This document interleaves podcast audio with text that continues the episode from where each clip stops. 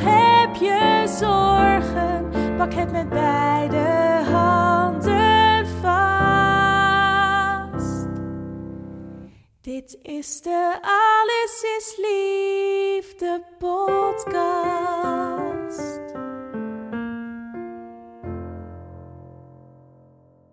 Welkom bij de Alles is Liefde podcast. De podcast over liefde, seks en relaties. Mijn naam is Rianne Roes. Ik ben relatietherapeut en eigenaar van samenalleen.com. In deze podcast ga ik in gesprek met grootheden op het gebied van liefde, seks en relaties. En de kennis en ervaring en inspiratie die ik daardoor opdoe, deel ik graag met jullie.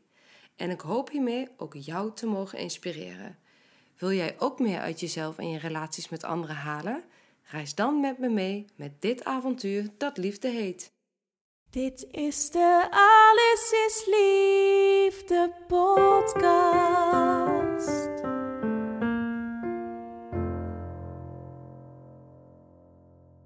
Wat leuk dat je luistert naar weer een nieuwe aflevering van de Alles is Liefde podcast. Vandaag weer een heel erg leuk interview met Mirjam van Kraai. Zij is oprichter van Miskraambegeleiding Nederland. Ze is gespecialiseerd in het begeleiden van vrouwen die een miskraam hadden, een abortus hebben ondergaan of anderszins een kindje zijn verloren in de zwangerschap. Ooit studeerde ze af eh, in de wiskunde, maar sinds 2011 is ze hard gaan volgen en begeleidt ze vrouwen die, uh, nou ja, wat ik net al zei, een kindje zijn verloren in de zwangerschap. Um, in 2018 zelfs nog vrouwelijk ondernemer van het jaar geweest, heb ik gezien uh, op LinkedIn. En daarnaast heeft Mirjam twee boeken geschreven. Eén die gaat over de begeleiding van ouders die een, kindje zijn verloren. Dus als je je kindje verliest in de zwangerschap. En begeleiding van vrouwen met een miskraam. Het ene boek is met name ook voor, uh, voor loskundigen, echoscopisten, voor nou, iedereen die met, met vrouwen te maken krijgt die een kindje verliezen. En de andere is echt een heel mooi boekje, wat ik zelf ook aangeschaft heb. Gewoon omdat ik heel erg benieuwd was hoe, het eruit ziet. Om ja, eigenlijk gaandeweg uh, ja, het verlies van je kindje te verwerken door een soort naslagboek te maken. Een persoonlijk boek om in te vullen en om te bewaren. Heel erg leuk om, uh, en heel betaalbaar om, uh, om aan te schaffen als je überhaupt in het onderwerp geïnteresseerd bent. Maar al met al, is een heel indrukwekkend cv. En een vrouw met duidelijke visie en passie en een uh, echt passie voor je vak. Dat heb ik al gezien. Je zit uh, nu tegenover mij en welkom. En wat fijn dat je tijd uh, wil vrijmaken voor het interview. Het is denk ik een onderwerp wat voor veel vrouwen en ook voor veel mannen een, ja, een belangrijk thema is. En soms ook onbesproken thema blijft. Mm -hmm. Voordat ik je daarover helemaal ga bevragen, begin ik toch met mijn allereerste beginvraag. En dat is, waar denk jij aan als ik zeg liefde? Ha, dat is een mooie vraag. Nou, in dit kader um, gaat liefde voor mij ook over verbinding. Dat er verbinding is tussen ouders en kinderen. En dat begint natuurlijk verbinding tussen ouders, daar begint het bij. En dan uh, volgen de kinderen. En of de kinderen nou zichtbaar zijn in het dagelijks leven of niet, als ze er zijn geweest, hoe kort ook, gaat dat ook over liefde. En ja. uh, tenminste, het is fijn als het daarover mag gaan. En uh, hè, als het vanuit liefde daarnaar gekeken kan worden, dan ontstaat er een verbinding waardoor het leven ergens ook weer lichter wordt, ja. ondanks de zwaarte van het verlies. Ja, ja, ja, mooi. Wat heb je dat mooi gezegd ook, hè? Want inderdaad, liefde en verbinding en vooral bij uh, grote verliezen is uh, verbinding heel erg belangrijk om, uh, om je gesteund te voelen. Ja. ja, mooi. En ik mag je vandaag helemaal gaan bevragen over het onderwerp miskraam. En misschien een open deur, maar wat is een miskraam? Wat versta je onder een miskraam? Zou ja. dat eens... Uh... Dat is een goede vraag. Um, er zijn allerlei medische definities, maar daar uh, blijf ik ver van. Waar mm -hmm. het eigenlijk om gaat, is dat je een kindje verliest in ongeveer de eerste helft van de zwangerschap. Um, maar tegenwoordig, als je een kindje verliest bij 20 weken uh, of 18 weken zwangerschap, spreken we niet meer van een miskraam. En dat klopt ook. Mm -hmm. He, dan ben je echt een kindje verloren. En Ja. dat, dat wordt geboren en er worden gelukkig tegenwoordig ook uh, hè, is daar aandacht voor dat je erom mag rouwen. Dat er een naam, een kaartje, een afscheidsdienst mag zijn. Ja, Um, en dat is een groot verschil met vroeger. Ja. Hè? Toen, Ja. eh, nou, in de generatie van onze grootouders, als er een peutertje overleed, werd daar eigenlijk niet meer over gepraat. En het volgende kindje kreeg gewoon de naam van, de, van het Ja. overleden kind. En, Onvoorstelbaar hè, ja, met Ja. kennis van nu echt onvoorstelbaar. Ja, ja, En je ziet dat dat opschuift. Dus tegenwoordig is er gelukkig aandacht bij voldragen kindjes die doodgeboren worden bijvoorbeeld. Dat Ja. dat serieus rouw vraagt. Ja. En je ziet dat dat opschuift. Dus met acht maanden zwangerschap, zeven maanden, zes maanden. Nou ja, en ergens daar zit nog een grens...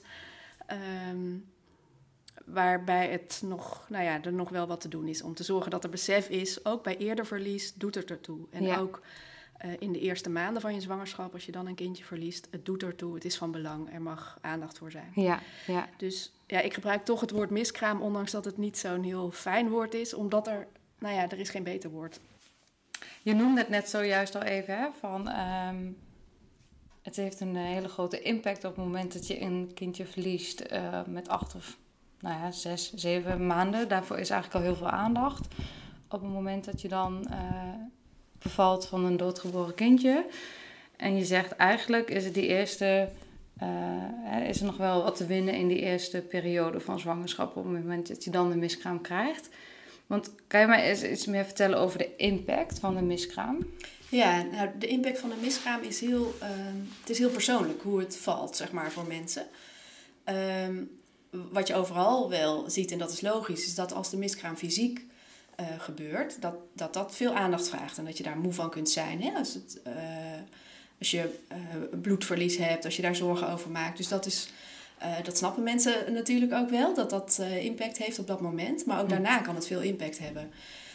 Op je relatie bijvoorbeeld, omdat je allebei waarschijnlijk heel anders reageert op dit verlies. Ja, En eh, soms is het het eerste grote wat mensen meemaken in hun relatie. Het eerste grote wat niet volgens plan gaat. ja, Ehm, en dan kan je zomaar verrast zijn op hoe de ander reageert. Hè, ik heb Ja. ook vrouwen aan de lijn gehad en die zeiden... ja, ik weet niet of ik met deze man nog kinderen wil. Hij reageert zo anders. ja. Het is normaal dat hij anders reageert. Maar dat, ja, dat moet je dan ook samen ontdekken, dat dat Ja. zo gebeurt. Dan moet je ook aan het lijf onder, of ja, eigenlijk ondervinden bijna, van wat, hoe, gaan wij, hoe gaan wij om met tegenslag als koppel? Precies. dat, wat, hoe gaan wij daar... ehm, het hoeft niet iets over de liefde te zeggen. Het zegt misschien vooral iets over ja, copingstrategieën. Ja, En, en hoe ja. je in elkaar zit en wat je in je gezin van herkomst al meegekregen hebt, bewust of onbewust, over Ja. hoe je dat doet. Dus het is niet per se een verschil tussen mannen en vrouwen, al zal daar ook wel iets zijn, maar ook gewoon tussen twee mensen die Ja. met een andere geschiedenis komen. Ja, en is het het verschil tussen man en vrouw misschien dan ook wel vanwege het feit dat de vrouw het kindje gedragen heeft? Of is dat, merk je daarin niet een verschil? Ja, dus dat kan een factor zijn. Ja. En eh, ook wel, ik spreek ook vaders, ik spreek ook mannen en die zeggen ja, ik begin er maar niet over, want dan gaat ze weer huilen bijvoorbeeld. Ja, ja, Hè, dus het is met de beste bedoelingen, maar daardoor wordt het soms lastig voor een stel om er nog over te praten. ja, Zij denkt dan, ja, hoe, hoe doe ik dat? En eh, hè, want hij lijkt er niet meer mee bezig te zijn. Terwijl hij met zijn Hij- beste bedoelingen denkt, ik begin er maar niet over, want nu is ze net weer even blij. Of ja, zo, hè? ja, ik wil de sfeer niet verpesten of Zo. ik wil niet dat ze een rotgevoel krijgt. Ja. Ja, dus Ja. de impact kan eigenlijk heel erg verschillen. ja, dus het kan impact hebben op de relatie, maar ook op je werk eh, of op je ehm, eh, vriendschappen of familiebanden. Hè, als daar, ehm, stel je was tegelijk zwanger met een vriendin of een schoonzus en die zwangerschap gaat wel door. ehm, hoe deal je daarmee? Ja. Hè, als dat kindje dan geboren wordt en alle verjaardagen gaat vieren waar jij bij mag zijn. Ja. Ja. Hoe pijnlijk ook eigenlijk, hè? dat het kindje dan zo bijna symbool kan staan voor hetgene wat jou ja, misschien soms hè, vanuit de onrechtvaardigheidsgevoel ontnomen is. Ja, dat, dat idee kan er zijn. Of dat het inderdaad gewoon raakt aan het verlies en eh, aan, aan het verlangen. Ja. Ja, ja. dus de impact hè, het is eigenlijk bij individu zeg je heel erg verschillend. Het is niet zozeer dat hè, alle vrouwen hebben het op een bepaalde manier en alle mannen Nee. heel erg eh, gechargeerd. Maar Nee, klopt. En eh, het kan wel helpen voor vrouwen, merk je, en voor mannen ook, dat ze weten dat er van alles onder kan vallen. Dus dat het allerlei impact kan hebben. Ja. Dus eh, dat geeft al nou ja, herkenning of erkenning van het is normaal dat je je zo kunt voelen. Dus Ja. er is niks gek. nee, nee. Ehm, eh, ook als je zeg maar geen energie hebt om meer te doen dan op de automatische piloot je werk te doen en je gezin draaiende te houden als je Ja. misschien al een kindje hebt. ja. Dat hoort erbij of dat kan erbij horen. ja, precies. Dat kunnen allemaal factoren zijn. Hè, dat nog nasleep mag heten van, Ja, van de miskraam. En dat het niet zo is dat op het moment dat je fysiek hersteld bent, dat je ook psychisch precies. maar weer eh, op de been moet zijn. Nee, integendeel. Dus vaak is als het fysieke stuk voorbij is, dan komt er pas ruimte om te voelen wat het eigenlijk emotioneel heeft gedaan. Ja. Ja. En nou ja, wat wel pijnlijk is, is dat de omgeving op dat moment er, juist vaak minder aandacht voor heeft, Ja, begrip. Dat hij dus- denkt, oh, het is klaar. Ja, Hè, wat een nare ervaring en bij wijze van en weer door. Wanneer Ja. kan het weer? precies. ja. ja. En, ehm, want een miskraam komt eigenlijk best wel veel voor, toch? Het komt is- heel veel voor. Dus Ja. eh, een beetje hoe je die definitie neemt, eh, eh, verschillende aantallen. Maar als je ehm, de schatting is van de zwangerschappen die, waar een positieve zwangerschapstest is geweest al, Mhm. daarvan gaat 1 op de 10 mis. Ja, Ehm, dus 10%, 10, 15%. En omdat vrouwen gemiddeld vaker dan één keer zwanger zijn in hun leven, raakt het 1 op de 4 vrouwen. Ja. Dus 1 op de 4 vrouwen, stellen, maakt in hun leven één of meer miskramen mee. ja, Dus dat is echt veel. Dat is heel Ja. veel. Dus dat is elk jaar 20.000 keer gebeurd. Ja, terwijl als je, tenminste als ik naar mezelf kijk en naar mijn eigen omgeving, het is niet iets wat, waarvan ik weet dat het heel vaak is voorgekomen. Of hooguit dat je het weet en het is genoemd en, en ook bijna weer en door. Hè? Ja. Oh, die heeft een miskraam gehad. Oh, wat vervelend. Ja, En hè, dat als je dan later hoort dat ze toch zwanger zijn, dat je zo blij bent voor ze. Van, oh, wat fijn dat het toch gelukt is. Maar je vergeet misschien bijna toch wat voor impact het dan kan hebben. En wat voor proces die mensen ook emotioneel eigenlijk allemaal hebben moeten doorstaan. ja is ook zo. Dus er Ja. is heel veel verborgen verdriet. Ja, Ook dat mensen dat zelf zeggen tegen zichzelf. Hè? Je hoort, het komt zo vaak voor. Wat doe ik nou moeilijk? Ja. Het was nog niks. Al dat soort zinnetjes waar je jezelf niet echt mee helpt. Ja. Maar wat wel, eh, nou ja, wat misschien ook wel gezegd wordt door de omgeving. ja,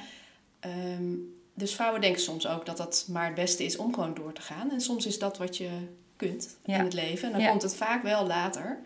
Bijvoorbeeld als het ehm jongst levende kind naar de kleuterschool gaat. Of eh, uit huis gaat zelfs. Dus Ja. dat er dan ruimte komt van... hé, hey, er was er, had er nog één kunnen zijn. ja, hè? precies. Het had nog zo anders kunnen Ja. zijn of zo anders kunnen lopen. Ja. Ik las het ook inderdaad in je boek. eh, Er staat zo'n voorbeeld van een vrouw.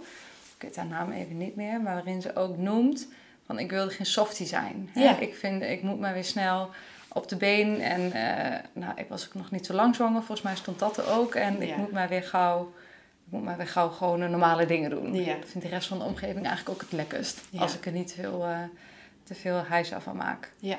Ja. Dus dat kan. En dat kan een strategie zijn eh, die je tot je tachtigste volhoudt. Maar dat kost ook. Ja. Dus het is eh, fijn als, het, ehm, nou ja, als de rouw om het verlies er ook mag zijn. Op een manier die past. Ja. En, die past voor, voor jou. En niet zozeer eh, wat sociaal wenselijk is. Want daar, ja, daar koop je niet zoveel voor. Nee, nee, nee, precies. Maar het is wel een bepaalde druk. Ook omdat er Ja. veel verborgen verdriet is. Er zal in de omgeving zullen opmerkingen komen als...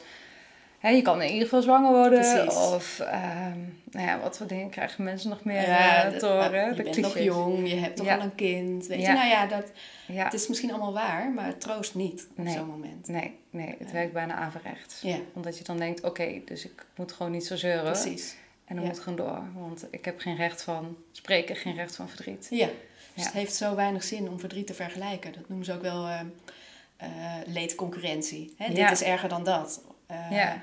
Dat kan je niet zeggen. Dus je kan ook niet zeggen, een miskraam bij 14 weken is twee keer zo erg als eentje bij 7 weken. Ja, Zo werkt het niet. Nee, maar het is wel, denk ik, dat mensen ook zo vaak te horen krijgen bij een miskraam. Hoe ver was je? Ja, precies. En alsof eh, dat dan de gradatie is. Wat ik ook merk als mensen in mijn omgeving overlijden. En het zijn bijvoorbeeld vrienden van mijn ouders. Dat ik zeg, oh, maar die was toch al best wel oud. Dat ik denk, oh ja, wacht even. Dat is eigenlijk helemaal niet ja. helpend. Want Nee. het is een verlies. ja, precies. Ja. Ja. Maar toch is het, denk ik, ja, wel wat vrouwen vaak te horen krijgen. Hoe, hoeveel, hoe ver Ja. was je dan? Ja, dat is soms ook voor mensen een comfortabele vraag om te stellen. Ja. In plaats van hoe voelt het of hoe is het voor je. Ja. Hè? Dat vinden Ja. mensen ongemakkelijker over het algemeen. Ja, want dan weten ze eigenlijk net als, hè, wat je net als voorbeeld gaf, dan weet je eigenlijk niet goed wat je openbreekt. Ja, Dan zijn mensen bang voor het verdriet of voor alles wat komt. ja. Ja, ja. Want hè, je zegt, ehm, want je geeft natuurlijk miskraambegeleiding aan, aan vrouwen. Maar voor, voor wie is miskraambegeleiding? Hmm. Wie komt er in aan, aanmerking daarvoor? Wat is je doelgroep, om het even zo eh, plat te zeggen? Ja, eh, nou, ik werk eigenlijk voor drie groepen mensen. Ik begeleid ouders ehm, die individuele begeleiding eh, willen. Mhm. Ehm, hè, en die meer nodig hebben dan wat ze bij de verloskundige of de huisarts kunnen krijgen. Ja, Ehm, dus dan begeleid ik moeders of stellen samen, ook wel vaders apart, die merken dat ze nog zo ermee bezig zijn en nou, ja, hulp nodig hebben daarbij. ja, ja. Ehm, maar ik vind, ik, kijk, ik kan niet alle 20.000 mensen van Nederland zien in Nee. een jaar. En eh, ik wil dat er meer ehm, besef komt dat ongeboren kinderen ertoe doen. Dus ik leid ook verloskundigen op. Ik geef geaccrediteerde trainingen aan hen, nascholingen. Voor verloskundigen, echoscopisten, gynaecologen. Ehm, dus daarmee ja, eh, zie ik verloskundigen. Maar zij zien natuurlijk veel meer moeders in hun Ja. praktijk. En eh, zij kunnen daarmee veel meer betekenen voor eh, ja, het missiewerk, wat het ook wel Ja. is. Ja, Eh, ja. Dus als zij goede vragen stellen, als zij zorgen dat hun informatie ook gaat over het emotionele stuk en niet alleen over het fysieke stuk, dan maken ze enorm verschil voor ouders, waardoor de emotionele ja, verwerking later gemakkelijker gaat. Of- Zij zijn echt eerst vangnet. Hè? Ja. Daar komt eigenlijk alles. Iedereen Precies. komt bij de verloskundige. Ook als je misschien nog niet fysiek op afspraak bent geweest. Is er al een lijntje met de verloskundige praktijk omdat je gebeld hebt voor een intake? Of hè, er Ja. is dat contact al. Nou, zeker ja. tegenwoordig krijgen mensen vrij vroeg een echo over het algemeen. Dus hè, dat is anders dan 10 of 20 jaar geleden. Ja, Eh, dus verloskundigen, echoscopisten zien veel ouders. Ja. En eh, moeten helaas ook vaak de boodschap brengen dat het hartje niet klopt of niet Ja. meer klopt. ja, Dus dat is belangrijk. En eh, de derde groep waar ik me op richt zijn coaches en therapeuten. Ehm, en dat zijn eigenlijk twee verschillende groepen. Dat zijn mensen die er ehm, een specialisme van willen maken om ouders met verlies in de zwangerschap te helpen.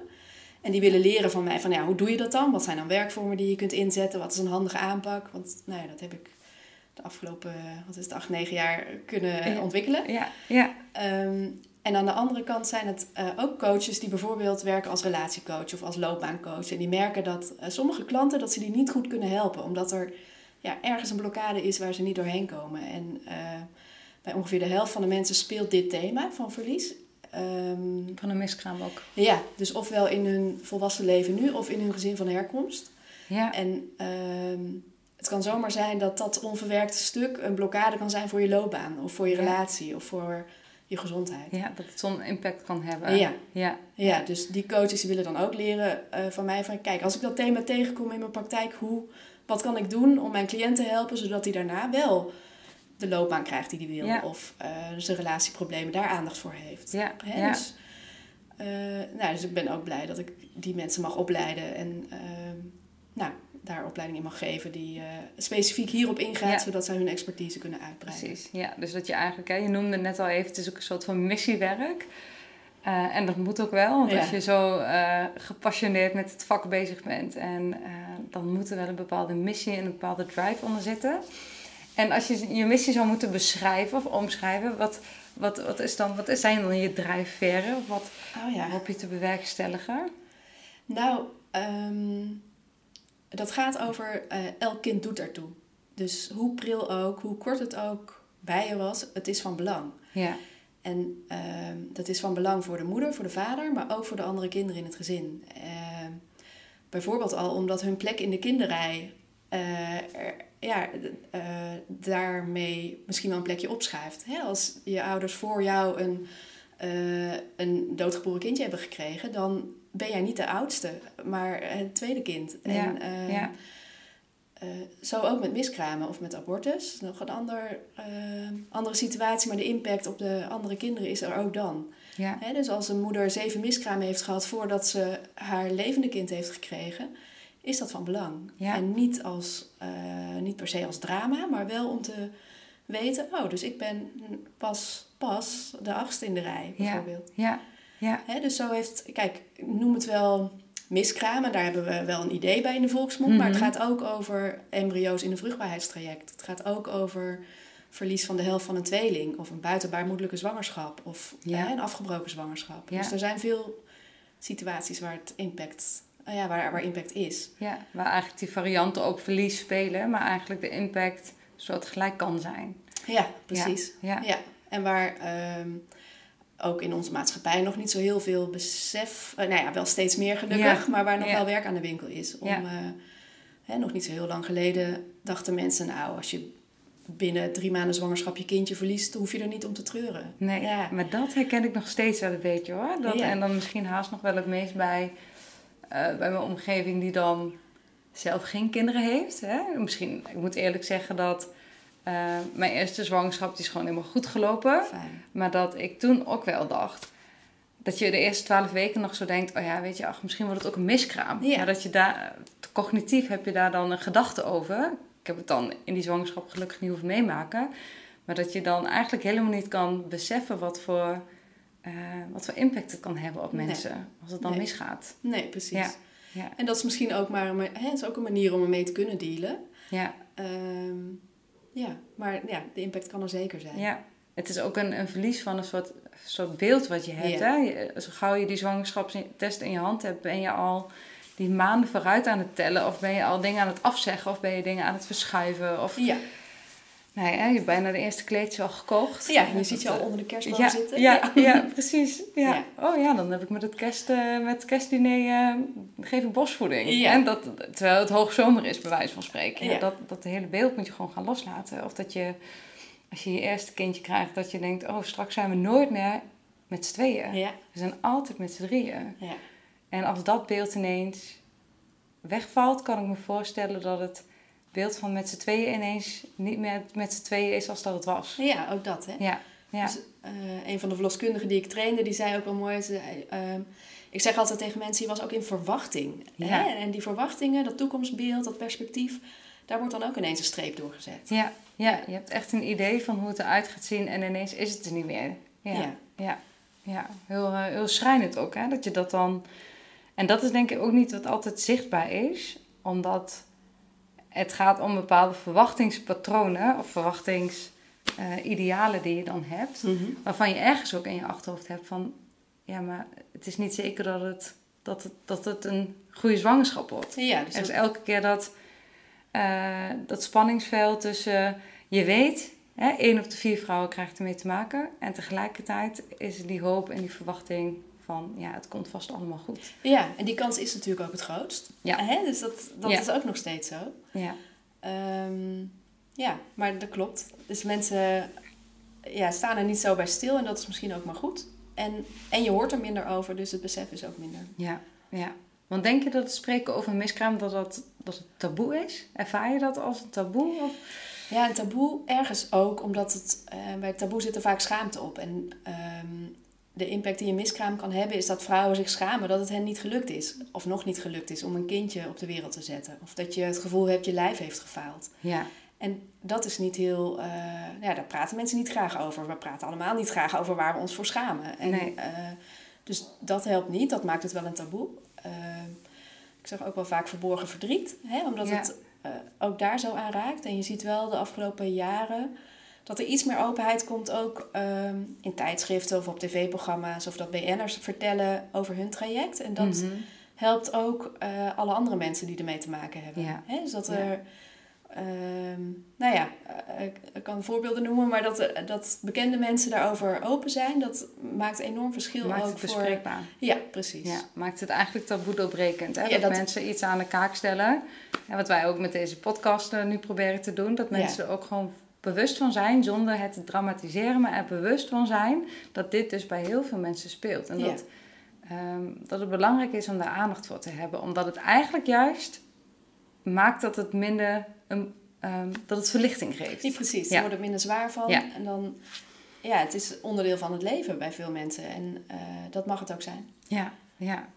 En ik heb ook gelezen dat je ook mensen begeleidt die een abortus eh, ondergaan. En je maakt ook wel. ehm, ja, is, dat, is dat een vergelijkbaar.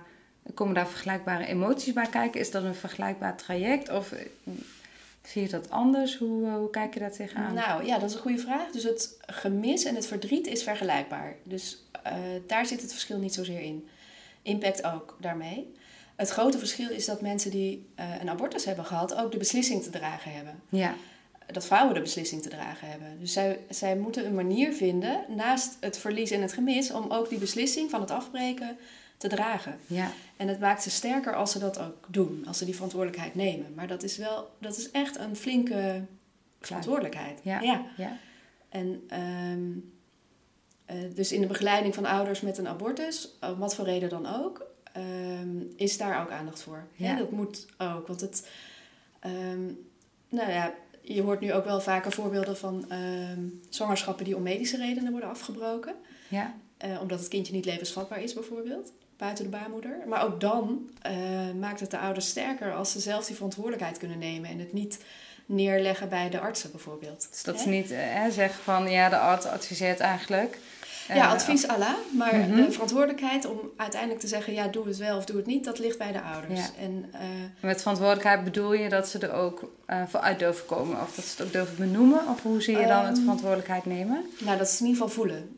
Mhm. Dus of je daarmee naar buiten komt is nog een tweede. Maar dat je zelf voelt, ik heb die beslissing genomen. En, en ik, de, de prijs is hoog, dat besef ik ook. Welke beslissing je dan ook neemt. Ja. Hè? Ja, Eh, maar dat is dan, ja, dat hoort bij hun lot zou je kunnen zeggen, om dat te dragen. ja, Dus dat ze zelf manieren vinden om ehm, met die verantwoordelijkheid te kunnen leven ook. ja, om het te verdragen, omdat het anders misschien, hè, wat je ook noemde rondom rouw. Het is ook een stukje rouw, een stukje verlies wat ze moeten verwerken. Ja, En dat dat dan anders ook eigenlijk onaangeraakt blijft. En met als gevolg dat ja, dat onverwerkte rouw tot grote ja, negatieve gevolgen kan hebben. Ja dat kan. Ja. ja, qua gedrag, maar ook qua eh, draagkracht. En nou ja, dat, hè, dat in het vorige interview, welke net ook online gekomen is met Leoniek van der Marel, gaat het ook inderdaad heel erg over deze rouw. Ehm, dat als je de rouw niet goed aanpakt, dat het echt nog heel, heel, heel veel jaren eh, een onderdeel kan zijn van je leven, bewust Ja. of onbewust.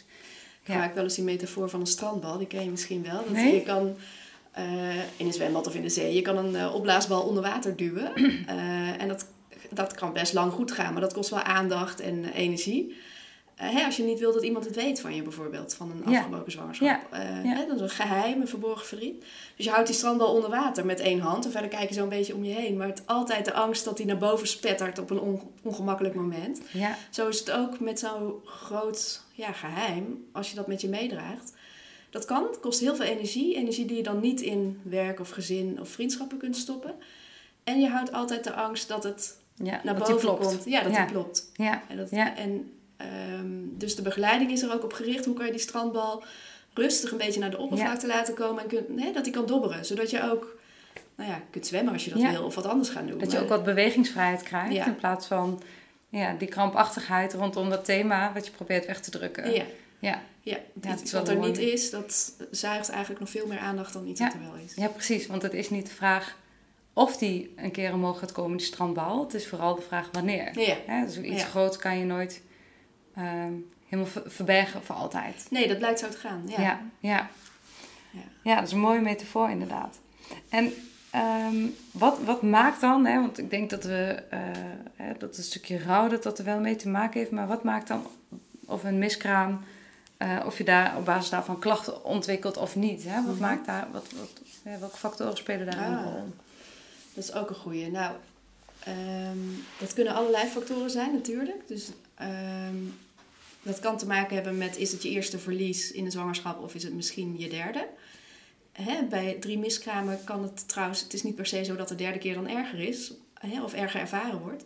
Maar het kan zich opstapelen. Ja, En dat kan ook gaan over verlies van bijvoorbeeld een ouder of eh, eerder verlies in de jeugd. Hè? Dus dat, dat kan, dat dat Ja. getriggerd wordt. ja, Ehm, nou ja, ook factoren als hoe gaat het in je relatie of hoe heb je het in je werk of hoe zit je sowieso in je vel. Dat maakt wel uit met wat je draag, kunt dragen, eh, Ja. ook hierin. ja.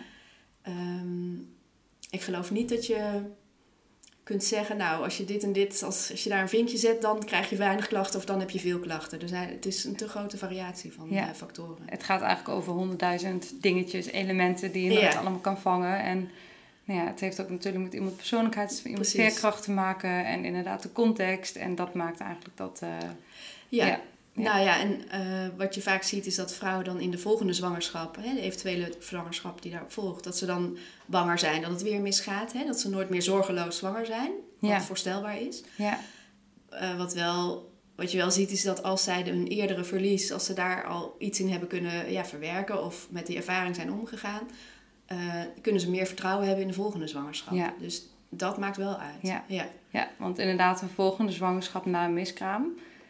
Daar was ik ook benieuwd naar. Hoe... ehm, ja, wat zie je daarin? Want ik kan me namelijk voorstellen dat je als zwangere vrouw het liefst gewoon elke dag even die bevestiging wil krijgen van het is goed. En uiteindelijk bereik je daarmee niet wat je wil bereiken. En dat is geruststelling. Want als je elke dag een bevestiging krijgt, wil je hem twee keer per dag. En als je hem twee keer per dag krijgt, wil, wil je hem ieder uur. ja. Ja, het li- het lijkt me heel pittig. Dat is het. En eh, vrouwen weten zelf ook dat het hè, bevestiging is nou ja, tot ze de deur weer uitlopen bij wijze van Ja. spreken bij de echoscopist. Toch wordt het wel vaak aangeboden, omdat het ook iets tastbaars is. Ja, Ehm, wat ik verloskundigen en echoscopisten ook wel adviseer is eh, stel een paar vragen eh, en heb het daarover. Beter 10 minuten een gesprek over goh, waar maak je je zorgen over? Of ook onderscheid maken met de vorige zwangerschap. Hoe was dat? Hoe heb je dat beleefd? En hoe, ehm, hoe heeft dat kindje hè, van toen nu plek in je leven? ja, Door dat soort vragen te stellen kan je, ja, wordt het gemakkelijker voor de ouders om ook onderscheid te maken. Het hoeft niet op dezelfde manier te gaan. nee, nee, Eh, het is een nieuwe zwangerschap, een nieuw Ja. kind. ja. En Ja. zo. Dus Dus Eh, vooral ook weer heel erg over praten, hè? ja, Het benoemen. benoemen, precies. Want ervan wegblijven, dan wordt het zo'n strandbal. Ja, Hè? ja, precies. eh, Ja, dus dan maar opengooien. Van, en ja, niet bang te zijn om gekke vragen te stellen Nee. of om eh, hè, slapende honden wakker te maken. Nee, dat is er toch. Ja, Hè? het is er altijd. Ja. Ja, Dus als het naar de termijn nadert waarop het de vorige keer misging, vraag er naar. Ja. Als het die termijn voorbij is, vraag er naar. ja, Hè? Dus, ja. Die attentheid eigenlijk, hè? die alertheid ook op, op hoe zulke mijlpalen dan eh, ja, triggers kunnen zijn. Ja. Ook wel voor stress of eh, voor angst of voor andere Ja. ja, moeilijke gevoelens. ja, precies. Want begeleid je ook vrouwen die inderdaad dan weer zwanger zijn na Ja. een eh, miskraam? Ja, zeker. Die soms ook zeggen, en dat vind ik heel verstandig, want ik wil mijn vorige verlies, ehm, ik wil daar iets mee gedaan hebben voordat ik dit kindje kan verwelkomen. Ja, En eh, dus ik begeleid geregeld hoogzwangere vrouwen die zeggen: Nu heb ik verlof, ik moet hier iets mee, want anders kan ik de geboorte niet vol aangaan. nee, nee. Ehm, en als er een nieuw kindje op komst is, ja, dan daarvoor heb je nog meer ruimte in je agenda over het algemeen ook voor Ja, begeleiding bijvoorbeeld. Ja. Dus het is ook wel een praktische reden. ja, ja. Ehm, ja, maar van belang. Ook omdat het zo van belang is voor de andere kinderen in het gezin. Dus eh, ik raad ouders ook aan, en dat zeg ik ook tegen verloskundigen, om door te vertellen. Eh, vertel het aan het kindje in je buik. ja. Als ze opnieuw zwanger zijn. Vertel het hoe het de vorige keer is gegaan. En dat je je misschien wel zorgen maakt. Ja. Of dat je heel blij bent dat dit kind nu komt. Dat Ja. je het welkom heet. Hè? En Dus- dat je het niet gaat projecteren bijna, hè? Dat, dat, dat, ja, ik kan me voorstellen dat je net noemde drie, vier miskramen. Het lijkt me echt niet te doen, eerlijk Mm. gezegd, hè? Als je dat eh, moet meemaken. En ik weet dat vrouwen zijn die echt nog meer miskramen meemaken. ja. En dat je dan een, een kindje krijgt, een gezond, mooi, hè, blakend babytje. Dan lijkt het me heel erg moeilijk om niet alle, alle hoop, alle verwachtingen op dat ene kind te storten. Dat, ja. ja, ja, Ja, dat is ook zo. Dus dat te erkennen is al heel wat. ja, dat je het ziet van jezelf, hè, dat dat mogelijk... Hè, dat het Ja, iets- of ook, ik denk ook dat ouders dat echt mogen zeggen, hoe klein dat kindje ook is. Van goh, het is een paar keer misgegaan en we, hebben, we zijn super blij dat jij er bent. Eh, en je mag je eigen leven leven. Ja, Hè? Dat, ja. eh, nou het is misschien een ander onderwerp, maar het is nogal een grote klus voor kinderen om hun ouders gelukkig te maken. Hè? Dat, ja, eh, precies. Ja, nou, dat, eh, dat, hek, dat zie ik in mijn werk ook wel eens, inderdaad. Dat de ouders bijna, of eh, kinderen bijna die, die taak voelen. ja, Ja, maar inderdaad, dat is voor een andere podcast, maar wel een heel interessant onderwerp. Ehm, en we hebben nu een paar keer gehad over hoe de omgeving kan reageren. Wat zou je voor advies kunnen geven aan ehm, vriendinnen, aan ouders, aan collega's, Ja. aan hè, de omgeving in, die er toch op een bepaalde manier wel wat verder van afstaat? Eh, Ehm. hoe, hoe kunnen ze steunen? Ja, misschien het belangrijkste, zwijg het niet dood. Dus Mhm. stel een vraag. En ehm, dat kan zijn dat je zegt, goh, ik, heb er, ik weet dat jullie toen een miskraam hebben gehad. Ik heb er eigenlijk nooit meer naar gevraagd. Hoe is het voor je? Ja, Of hoe kijk je er nu naar?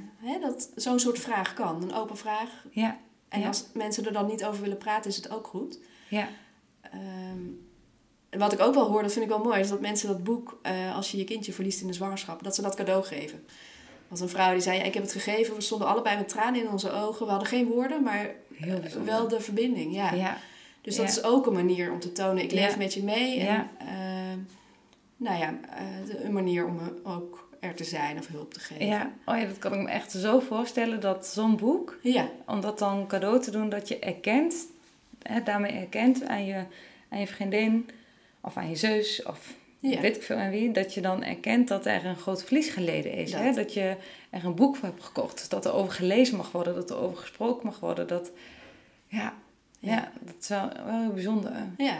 Dus misschien ja, eh, mensen die deze podcast horen en denken, oh, dit spreekt me aan. Misschien is dat wel wat ze kunnen doen, een linkje doorsturen. Weet je, Ja. dat het onderwerp er mag zijn. En Ja. hoeft niet... Dat mensen beseffen dat het zo'n groot onderdeel van je leven is. Hè? Dat het er zo toe doet dat er wel een paar keer per dag een moment is. Niet dat je emotioneel instort, maar wel dat er een paar keer per dag een moment is dat je denkt: Oh, ja, ik was eigenlijk nu zoveel weken zwanger. Of ik was nu eh, hè, misschien zelfs wel bevallen. Of Ja, dat soort, eh, ja. Ja, dus Ja. het is fijn als mensen er aandacht voor hebben. En eh, dat zit ook in de woorden van zeg je, oh, nu, als er daarna bijvoorbeeld een babytje geboren wordt, oh, fijn dat je oudste nu geboren is. Ja, is het dan de oudste of niet? Daar mag je best zorgvuldig in zijn. Ja, ja, Ehm, hè, of als je mensen vraagt hoeveel kinderen heb je, ik weet dat het dan heel vaak voorbij komt. Ja, zeg ik dan, ja, welk aantal zeg ik? Tel ik ze mee of niet? ja, En we vinden het als maatschappij ook wel eh, gebruikelijker als mensen kinderen op een latere leeftijd zijn verloren. Hè? Kinderen die een paar jaar geleefd hebben bijvoorbeeld. Dat die meegeteld klopt. worden. ja, En daarvoor ja, is het ook weer een soort van grijs gebied. ja. Ja, wel, nu het zo, ik, ik zit helemaal over te denken. Ik denk, ja, dat is ook zo. Ik heb daar ook niet. ja, het is natuurlijk ook misschien heel erg per, per persoon, per vrouw ook vers- verschillend. ja.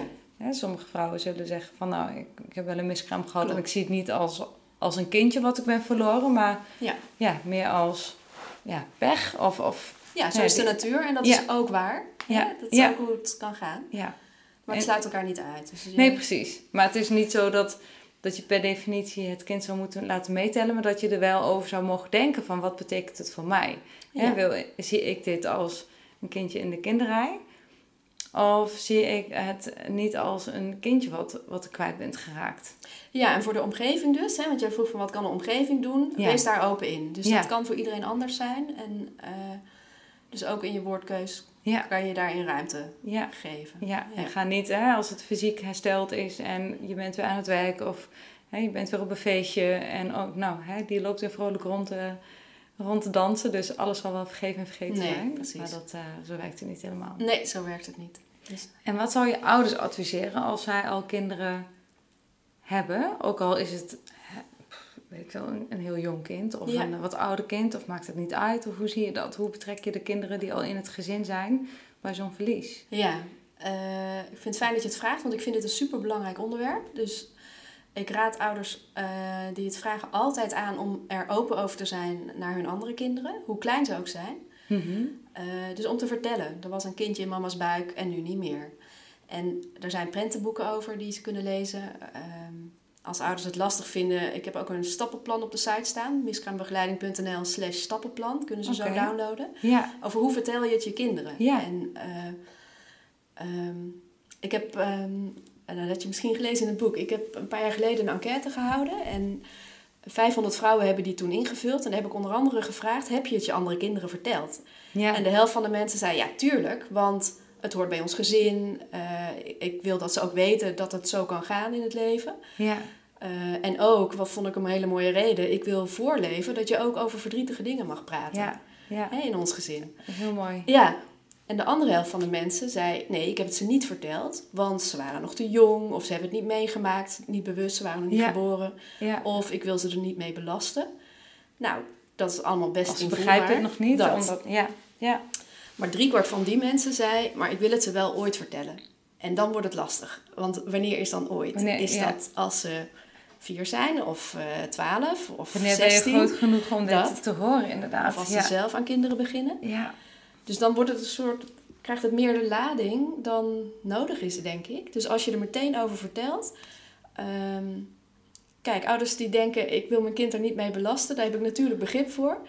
En eh, mijn idee is, als je zelf als ouders je verlies kunt dragen... belast je je kinderen daar niet mee. ja, Dan maken ze er juist vrij van. Hè? Als Ja. ze weten, oh, daarom ja. zijn, zijn papa en mama wel eens verdrietig. Of dit... Het krijgt Is betekenis, hè? Hoe, klein, hoe kleine kinderen ook zijn, ze kunnen best snel invoelen dat, eh, ehm, eh, dat er iets speelt. Hè? Dat- Ja. ja. Kinderen staan er, ja, die zijn onbewust supersterk. Dus die weten al lang over het algemeen dat er iets speelt. Ja, En ze staan veel dichter bij leven en dood dan wij volwassenen. Dus zij nemen, dus nemen het ook zelfs hè, is het zelfs als het een kindje is van een jaar, van twee jaar, of, Zeker. hè, zou je echt wel zeggen, we gaan, eh, en je noemt prentenboeken. Ja, Ik ken dat wel kikken en het vogeltje, maar dat is meer over echt wanneer ja, iets tastbaar. eigenlijk ook sterft. Maar heb je andere Ja, boeken? het zijn er twee. Ik hoop Mhm. dat er meer komen. Ja. Eh, maar er zijn er twee. Eh, in de zee van mama's buik is er één. En Kindje in de wolken. Die zijn Mhm. speciaal voor miskramen geschreven.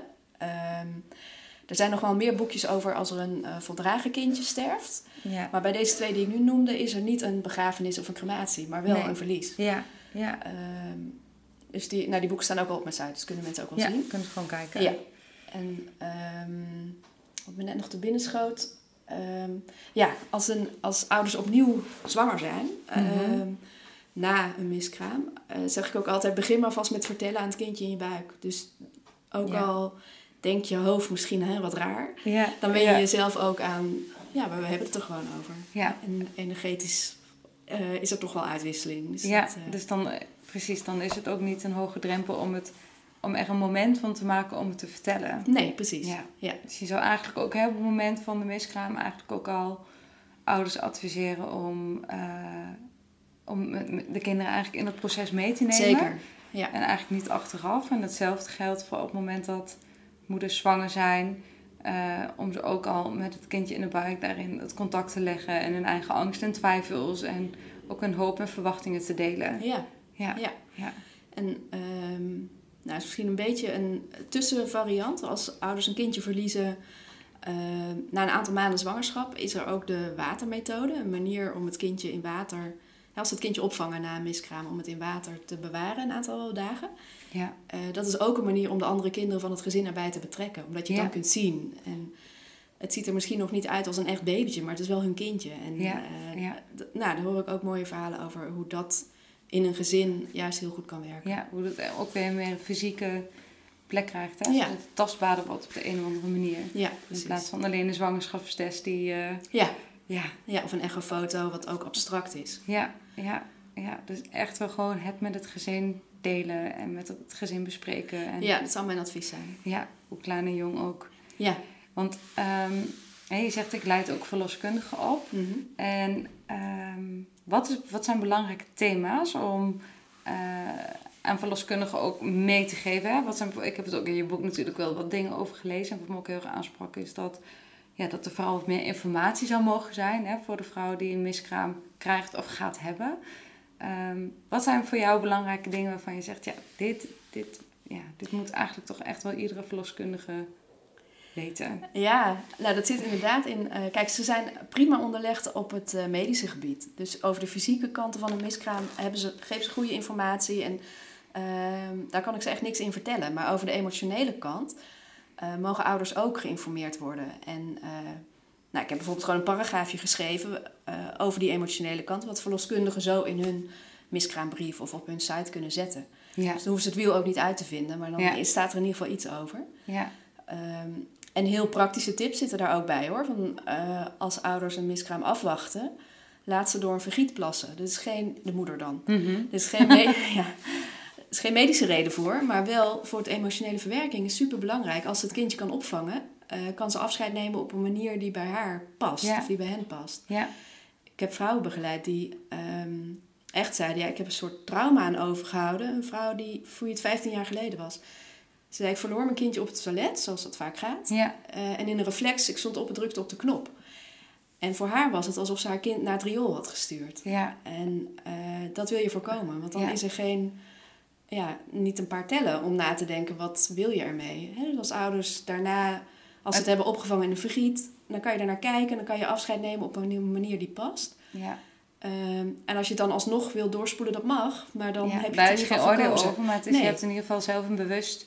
Je hebt even op dat kruispunt gestaan en mogen beslissen wat Ja. ga ik ermee doen. En misschien heb je kunnen wachten tot je partner thuis was bijvoorbeeld. Hè? Dat Ja. kan heel belangrijk zijn voor, Ja, eh, om dat samen te kunnen dragen. ja. want wat, hè, want, ehm, er zijn verschillende opties, wat je net al even noemde. Je kan afwachten tot de miskraam vanzelf komt.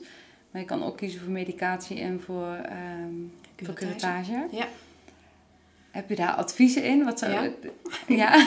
Ja, ja, en dan ga ik ook weer voorbij, aan het, of ik ga er niet aan voorbij, maar dat staat naast het medische Ja, stuk. maar dat is sowieso, hè? Ja, het, het precies. staat meer, we hebben het nu over de context, de emotionele Precies. verwerking. En ja, medisch kunnen er soms andere redenen zijn waarom Ja. het op een andere manier gaat. Maar Ehm, kijk, bij een curettage, ehm, dat weet, weten lang niet alle ouders, dan wordt je baarmoeder leeggehaald. Dan is er geen kindje om afscheid van te nemen. Niet fysiek meer, hè? niet meer toonbaar zou je kunnen zeggen. Eh, dat is best belangrijk om mee te nemen in je afweging. ja, Of je dat wil of niet wil. ja, ja, Ehm, bij pillen weet ik dat eh, die medicatie, die pillen moet je over het algemeen zelf inbrengen. Dat kan voelen als een enorme daad tegen je zwangerschap. Ja, Wat voor ouders, voor moeders ook een heftigheid kan zijn. alsof je het lot tart. Ja, alsof je zelf de keus maakt om de zwangerschap af te breken. Maar dat is het niet, want het kindje leeft al niet meer. Maar je moet dan die pillen inbrengen om de bevalling op gang te brengen. Ja, Eh, maar dat, dat is wel een actie, een daad. Dus eh, nou, dat is van belang om te weten als je daarvoor wil kiezen. ja, Afwachten blijkt ook medisch gezien de meeste voordelen te hebben. Mhm. Omdat je dan minder complicaties hebt en het is eh, minder ingrijpen in je lijf. En wat het voordeel ehm, ook emotioneel is, is dat je tijd krijgt om ook aan het idee te wennen, te laten landen en te voelen wat er te voelen is. ja, ja. En de onzekerheid is natuurlijk ook een factor, dat je niet weet wanneer het dan gebeurt. Maar Ja. dat geeft wel ruimte om ja, Ja. ermee Ja. te zijn. Ja, ja precies. Om, hè, om er ja, ook wat meer mee geconfronteerd te worden. Hoe onprettig dat soms ook is. Maar de confrontatie maakt ook dat je er niet, niet omheen kan gaan. Dat je dat minder goed kan verstoppen. Ja, Want je hebt steeds dat bloedverlies. En je hebt steeds hè, misschien bepaalde klachten. Die, of je hebt nog steeds de zwangerschapsklachten die nog niet over zijn. Omdat Ja. het kindje nog... eh, het is ook pijnlijk, zit. maar het, is Ja. ook, eh, het geeft ook tijd. En Ja. ehm, nou, dat zeggen verloskundigen ook. Van je gunt ouders dat ze tijd nemen om ermee eh, te zijn. Of hè, om het verlies ook ja, plek te geven. Klinkt zo eh ja, naar. te maar, verweven in, in je leven. dat Precies. is wat je schrijft Ja, ook in je zoiets. boek. Ja, ehm, dus een belangrijke tip ook voor verloskundigen naar moeders. Maar misschien ook voor mensen die jouw podcast, lu- podcast luisteren. Je mag je ziek melden op je werk hiervoor. Dat is reden genoeg. Dus overweeg om je ziek te melden. Ja. Niet per se dat je het moet doen. maar overweeg Maar, het. Ja, overweeg het, want dat is, eh, het is belangrijk genoeg daarvoor. Ja. Dus daarmee geef je jezelf ook ruimte om te voelen hoe jij afscheid wil nemen of te voelen wat jij nodig hebt. Ja, waarom je hè, inderdaad dus je kindje een plek geeft, maar ook jezelf een plek geeft om het te verwerken. Ja, Ja, en soms is daarvoor een boswandeling nodig en soms is het een huilfilm opzetten of schrijven of praten met mensen. ja. Dat is ook heel persoonlijk en ook per moment afhankelijk. om eigenlijk maar tot dat gevoel te komen. Hè? En niet alleen maar over te gaan op de orde van de dag. Dat, ja. Ja. Want gaan bij jou meteen alarmbellen af als mensen zeggen... ja, ik heb ook wel een miskraam gehad, maar het heeft me, heeft me eigenlijk niet zo geraakt? Ehm, ja, alarmbellen gaat misschien ver, maar ik denk wel vaak, ah ja, maar het heeft wel impact. Ook Ja. de onderlaag. Ja, Ook voor de anderen in het gezin. ja, Ehm, en eh, kijk, ik hoef niemand een ehm, trauma aan te praten of eh, te zeggen, ja, maar dat is wel heel erg. Nee, daar ga ik ook niet over. nee. Maar ik gun wel iedereen om het serieus te nemen. En ja, het is soms ook een een manier om er maar mee te kunnen dealen. Hè? Om Ja. te denken, nou, het was eigenlijk niks en het is prima zo. Dat kan ook zo zijn. Ja, Ja, dat, dat is ook niet aan mij om dat te willen veranderen. Maar Nee. eh, ik ben dan al blij dat ze het tegen mij vertellen. En Ja. omdat ik dit werk doe, hoor ik natuurlijk veel meer verhalen Ja. eh, dan gemiddeld, denk ik. ja, Dus dan ben ik al blij dat het in ieder geval zo nou ja, in de wereld is gekomen. ja, En, eh, dat het in ieder geval genoemd wordt. Hè? Want als het genoemd wordt, is het er en is het in iemands gedachten. En als het er helemaal niet is, dat noemde je net al even, hè? over vroegere tijden, een jaar Ja. of eh 30, 40 geleden, toen werd er überhaupt niet over gesproken Nou, als er een eh, miskraam was. Dus in die zin is er eh, een heel veld eh, gewonnen. Ja, En nog even over die methode, hè? want je noemde net ehm, het afwachten en dan weet je niet zo goed wanneer het komt. Mhm. Is, het dan, is het dan zo dat je mensen ook adviseert om eigenlijk thuis te blijven tot de miskraam op gang komt? Of, eh, Nee, nee, dat kan ik niet zeggen. En, eh, want voor sommige mensen is het heel fijn om naar hun werk te gaan, om- omdat ze bijvoorbeeld daar met collega's ook fijn over kunnen praten. Of omdat werk een afleiding is om die dagen door te komen. Dat kan ook, hè? Of dat Ja. ze juist willen afspreken of juist Ja. weg willen. Alles is goed daarin. Eh, als ze maar doen wat bij hen klopt op dat Ja. moment. terwijl ze wel nog in afwachting zijn van de miskraam die ook inderdaad gepaard gaat met bloedverlies. En dat je eigenlijk ook nooit weet hoeveel dat is. En Nee. dat dat, ja, dat kan... nee, maar als dat begint, dan kan je alsnog naar huis gaan als je Ja. dat wil. Hè? Dus Ja. Ja. je leven hoeft ook niet onhold, maar het is wel goed om er eh, ruimte voor te nemen. ja, Ja. ja, precies. Om daar echt wel even goed bij stil te staan. Ja. Ja, ja. Ehm, hè, en wat, wat op het moment dat ze dus, eh, eh, je kan kiezen hè, tussen het afwachten, de pillen, de curettage. Soms krijgen mensen hè, alle drie. Dat is ook nog wat ik, wat ik las in Ja, een van je boeken. klopt. Dat zo'n vrouw eh, dat allemaal heeft moeten ondergaan. Heeft dat eh, een grotere impact op, eh, op het onverwerkte vlies? Is dat een, of stelt het dan juist uit hè, dat je noemt, goh, weet je, dan is er eerst een heel lichamelijk, medisch stuk wat nog uh, afgerond moet worden. En pas daarna is er ruimte voor het emotionele stuk, of hoe zie je dat? Ja, dat hoor ik vaak terug. Dat mensen dan daarna zeggen, goh, nu is het medische circus zeg maar voorbij. Ja. De fysieke heisa, nou ja, een beetje onerbiedig gezegd. En dan hebben ze pas ruimte om te voelen, hé, hey, wat heeft het eigenlijk met me gedaan? Of, waar ben ik nu? En, ja. Uh, dus dat is ook begrijpelijk. Hè? Dat is, alle praktische dingen vragen ook gewoon veel aandacht en uh, tijd. Ja. Dus dat het daarna komt. En soms komt dat pas maanden of jaren later. Dat ja. kan ook. Ja, dat is eigenlijk niet te voorspellen. Nee, dat kan je niet Rouw is in die zin ook een grillig, uh, grillig proces. Ja, precies. En um, uh, ik wilde dan nog wat... Oh ja, we hebben straks ook even kort gehad over de partners. En op zich ben ik daar nog wel, ook als uh, systeemtherapeut, mm -hmm. benieuwd naar. Hoe, uh, nou, hoe je de rol van de partner van, ja, van, de, van de vrouw is meestal. Hè, maar dat hoeft natuurlijk het kan, ook, het kan ook een vrouwelijke partner zijn die, waarvan dan de, ja, dat weet je nu een kromme zin, maar waarbij de vrouw dus, uh, dat ze samen als eh, twee moeders een kindje verwachten. Ja. Hoe, uh, hoe betrek je partners? Is dat, vind je het standaard belangrijk dat ze in de kamer komen? Of is het vooral ook een beetje de, de, de wens, volgen, volgen wat de wens van de moeder is? Of hoe? Ah ja, nou dat is natuurlijk mooi, maar um, het is denk ik ook goed dat de partner zelf voelt, wat heb ik nodig? Ja. Of waar raakt het mij? En dat, dat je daar ook over mag vertellen. Dus ook al draag je het kindje niet zelf, dat dat wel, uh, dat het ook jouw verdriet en gemis er mag zijn. Ja. En um, ja, dus misschien is het wel een suggestie aan de partner. Uh, neem daar ook ruimte voor of claim daar ruimte voor. Ja. Dus mensen vragen natuurlijk ook vaak de omgeving van hoe is het nou met je vrouw? Ja. ja. Nou, dat kan je vertellen, maar je mag ook vertellen hoe het met jou is. Ja. Ook als ze er niet naar vragen. Ja. En ook in de relatie um, um, is het soms lastig om dit gesprek aan te gaan, ook na een tijd.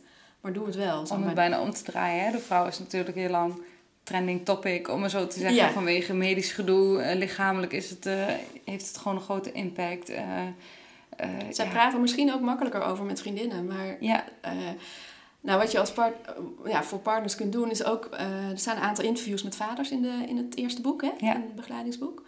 Dat kan voor mannen ook fijn zijn om te lezen. Uh, hoe andere mannen daarmee omgaan. Want het is misschien minder een onderwerp bij, uh, op de sportclub, maar het is wel een onderwerp. Het raakt één op de vier vrouwen, maar ook dus één op de vier mannen in het traditionele scenario. Ja, ja, precies. Dus dat het ook belangrijk is bij een oproep aan, aan de mannen of aan de partners van van deze vrouwen praten ook over. En niet alleen over hoe het met je vrouw is, maar praten ook over hoe het met jou gaat. Of wat het voor impact heeft op jou. En dus ook naar de andere kinderen in het gezin. Dus uh, ja. ook als vader mag je daarover over uh, spreken. praten. Ja. ja. Ik kan me echt voorstellen dat mannen daarin nog minder recht van spreken voelen. Mm -hmm, dat zou kunnen, ja. Dat, dat, ja, dat, hè, dat sowieso Ehm, op het moment dat het hele prille zwangerschap is. En dan, ik hoor dan toch geluiden als, ja, weet je, ik heb het... Het was nog heel abstract en ik heb het nog niet gevoeld. We hebben misschien nog niet eens een echo gehad. Of ja. hè, dat soort uh, uitspraken. Alsof je daarmee minder erg zou moeten hebben of zo. Ja, precies. Dus wat kan helpen is ook om uh, uh, mijn tweede boek in te vullen. Het, het nou, ik noem het toch, want het is eigenlijk het enige boek wat er is om ja, uh, over. Ik vond het een heel mooi boek en heel toegankelijk, ja. Nou, en je kan dat als partner samen invullen. Dus dan heb je ook een, uh, ja, een praatstok, zeg maar. Dus dan kan je het aan aanleiding daarvan ook zeggen: ja, wat heeft jou eigenlijk geholpen? Of wat heeft jou geraakt? En ja.